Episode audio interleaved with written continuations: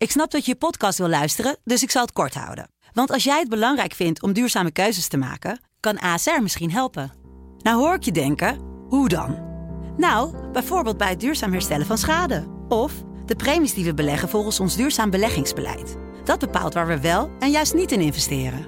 Wil je meer weten over welke duurzame keuzes ASR maakt? Ga dan naar asr.nl slash duurzame keuzes. ASR doet het. Zo, dan kan je nu lekker naar je podcast luisteren. Audiohuis.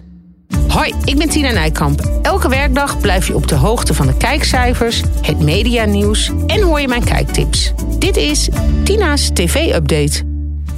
Het is 22 februari, vandaag weer een volle podcast met kijkersvragen, kijktip, de kijkcijfers, maar nu eerst het medianieuws.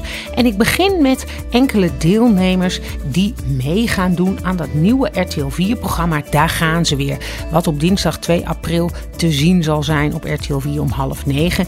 En na verluid gaan daaraan meedoen Debbie uit seizoen 1 van B&B Vol Liefde, ook Carolien uit Oostenrijk uit B&B Vol Liefde en een familie van het programma helemaal het einde. Weet je wel, dat programma wat, waar toen drie families een jaar lang in het buitenland gingen wonen. Nou, dat zijn vermoedelijk de deelnemers. De officiële ja, persbericht moet nog komen, dus uh, we wachten af. Maar uh, naar het schijnt zijn dat de deelnemers. Nou, ik heb nog veel meer RTL 4 nieuws. Want RTL 4 is net als NPO 1 bezig met een ziekenhuisserie. En uh, nou, wellicht dat we dat in dit najaar of begin volgend jaar op televisie zullen zien. Het gaat om een reality-serie, dus meelopen in het ziekenhuis. Een beetje wat Ewoud ook doet. Natuurlijk met de politie. En wellicht dat hij dit ook wel gaat presenteren. Of misschien is het ook iets voor Bo. Nou, dat is het nieuws over een nieuw programma dus voor RTL 4. En nog iets over RTL 4. Het viel mij op. Gisteren werden de dagschema's bekend. Daar stonden allerlei nieuwe programma's in. Maar wat verbaast mij dat vanaf half april de vrijdagavond bij RTL 4 nog leeg is. Daar staat heel de maand april de Verraders. Nou, dat zou betekenen dat de Verraders meer dan 10 afleveringen heeft. Normaal is dat 10. Dat zou dus betekenen dat ze minimaal 12 afleveringen hebben. En ja, ik denk dat dat gewoon niet zo is. En uh, de vraag werpt zich op: waar is dat programma Bestemming X? Want had dat niet een mooie opvolger geweest van de Verraders op die vrijdag? Dat is al in oktober vorig jaar opgenomen met Nasser Din Char. Die uh, acteur die presenteert dat. En het is een heel beroemd programma uit België. Daar een grote hit. Bestemming X, een soort Wie is de Mol. Kandidaten die zijn ergens, die moeten dan raden waar ze zijn. Ze worden dan met een geblindeerde bus vervoerd. Maar vooralsnog hebben we daar niks van gehoord. Dus ik hoop niet dat er iets aan de hand is met dat programma. Dat dat toch niet helemaal gelukt is. Maar raar is het wel dat we daar nog niks van hebben gehoord. En ook dus raar dat die verraders heel de maand april in dat schema staat. Het verbaast mij ook wel dat de piano van Chantal Jansen op die woensdag staat. Want dat had misschien ook wel een vrijdagavondprogramma geweest. Want op die woensdag, ja, daar worden toch altijd wat ja, wat minder belangrijke programma's neergezet. Omdat je op die woensdag is natuurlijk minder een familieavond. En je hebt daar ook altijd concurrentie van voetbal. Zeker in het voorjaar. Als al die finales worden gespeeld van uh, de Champions League en al dat soort dingen. Dus um, opvallende schema dingen bij RTL vond ik dat. Dan heb ik nog nieuws over Helene Hendricks. Want zij begint natuurlijk in maart met haar uh, Oranje Zondag. Een wekelijkse talkshow op die zondag, elf weken lang. En uh, daar kun je nog rondom adverteren, zag ik in uh, ja, de presentatie van SBS 6. Je kunt een billboardpakket daar kopen en dan krijg je 51 billboards uh, en 33 promo's. Dat zijn een soort billboards, maar dan promo-achtig van 5 seconden. En uh, dat kost 77.500 euro ex-BTW. Dus nou ja, dan heb je in ieder geval, ben jij de adverteerder die rondom dat programma gaat zitten. Er stond ook in die presentatie dat inderdaad Rutger Kastrikum de vaste gast wordt. Dus nou, ik verwacht eigenlijk wel dat dat programma goede kijkcijfers gaat halen. En nou ja, ik vond dat 77.500 voor uh, 11 weken nog niet eens zo heel duur eigenlijk. Goed, dan gaan we nu naar de kijkcijfers. En gisteren uh, was natuurlijk weer het verhaal van Nederland. En opvallend is toch wel dat dat. Ja, het scoort wel goed, maar het is toch niet echt een hype geworden. En het had nog nu nog maar net boven die miljoen kijkers. Verder viel ook op dat het familiediner van Bert van Leeuwen best wel veel uitgestelde kijkers heeft, maar lineair komt het nu niet eens meer boven die 500.000 kijkers uit. En dat is toch wel heel teleurstellend. En de Champions League uh, ja, wordt natuurlijk ook altijd wel minder bekeken. Uh, want het was natuurlijk alleen maar buitenlands voetbal. Dan de Nederlandse clubs zoals PSV. Dus die concurrentie is nou ook niet echt heel erg groot. En voor de rest viel op dat ook VI onder de miljoen zat met Albert Verlinde. En Albert Verlinde zit daar eigenlijk altijd als er voetbal is. Dus uh, als de VI last heeft van rechtstreeks voetbal tegenover zich. En daarom is het misschien ook niet zo gek dat het dan onder die miljoen scoort. Maar uh, normaal scoort VI natuurlijk altijd boven die miljoen. Dan gaan we naar de kijkersvragen.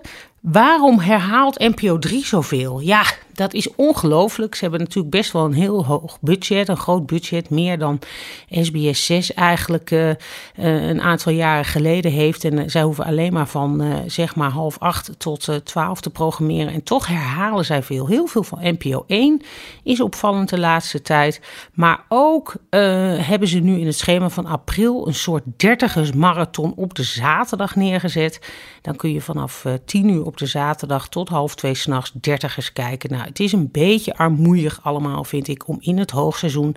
Want april en mei zijn de hoogseizoen maanden in het uh, voorjaar, zeg maar, voor alle zenders. En in het najaar is dat oktober, november, december. En uh, dat is dan toch wel armoedig dat je al zoveel gaat herhalen. En dan vraag ik me echt af, wat doen ze toch met dat budget? Uh, waarvoor spenderen ze dat allemaal aan? Want als je zoveel geld hebt en je moet dan ook nog zoveel herhalen, vind ik toch heel opmerkelijk. Goed, dan is de vraag, komt meester Frank Visser, die dagelijkse serie, komt dat ooit nog terug op SBS 6? Nou, je zou zeggen van wel, want het scoorde toen best wel alleraardigst. En ook die wekelijkse serie, nou die heeft natuurlijk uh, een record kijkcijferseizoen achter de rug op die donderdag de afgelopen maanden. Maar ik denk niet dat het terugkomt. En dat heeft ermee te maken dat eigenlijk wat er nu staat, bondgenoten, doet het heel erg goed. Een jaar van je leven deed het daar ook al heel erg goed. En ik denk dat John de Mol, dat zijn natuurlijk zijn eigen formats en die zender is van hem, dat hij daar uh, verder mee wil gaan experimenteren om dat soort formats daar te proberen ja, succesvol te maken. Wat dus redelijk ook nog eens lukt.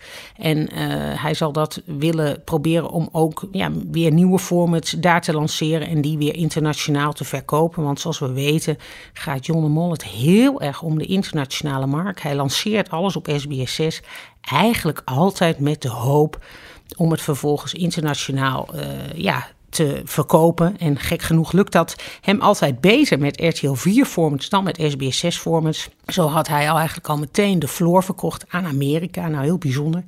Maar nu is het gelukkig dan ook een keer gelukt bij SBS 6, want hij heeft de quiz met ballen ook aan Amerika verkocht. Maar goed, hij, het gaat dus wel wat beter met zijn eh, format, formatverkoop lijkt. En dus ik denk dat die meester Frank Visser dagelijks, dat we die niet terug gaan zien. In ieder geval de komende tijd sowieso niet. En dan heb ik nog een vraag. Waarom uh, zenden, zond de NOS dat WK zwemmen zo weinig uit? Ja, dat weet ik niet. Ik weet wel dat de NOS heeft heel veel sportdingen. En uh, ja, blijkbaar is dat zwemmen dan toch niet uh, belangrijk genoeg. Um, ik weet wel dat, ik zie wel dat NPO 3, dat ze daar wel steeds meer sport naar, naartoe hevelen. Dus wellicht dat in de toekomst ze ook wat meer voor sport daar nog meer kunnen gaan kiezen dan in plaats van al die herhalingen die ze dus daar nu doen. Nou goed, dan heb ik nog een kijktip en dat is een hele bijzondere, want uh, vanavond om tien voor half elf wordt op uh, NPO 2 na Nieuwsuur wordt de middag van 44 uitgezonden. De EO is dat een uh, documentaire van. En dat gaat over het bombardement van 22 februari 1944 op Nijmegen, waarbij ruim 800 doden vielen. En uh, Frank Boeien, heel bijzonder, die heeft de, een speciale titelsong ook voor die documentaire geschreven, gemaakt. En nou, die documentaire is dus vanavond te zien. Het blijft jammer dat, dat, uh, ja, dat heel veel documentaires altijd zo laat worden uitgezonden op de NPO en niet om half negen op NPO 2 of zelfs om half negen op NPO 1. Maar goed, daar kunnen we allemaal niks aan doen. Uh, maar in ieder geval tien voor half elf dus op NPO 2. Nou, dit was het voor vandaag. Ik wens je een hele fijne dag en tot snel. Dit was Tina's TV-update. Heb jij nou ook een vraag? Stuur me een berichtje via Tina Nijkamp op Instagram. Tot morgen!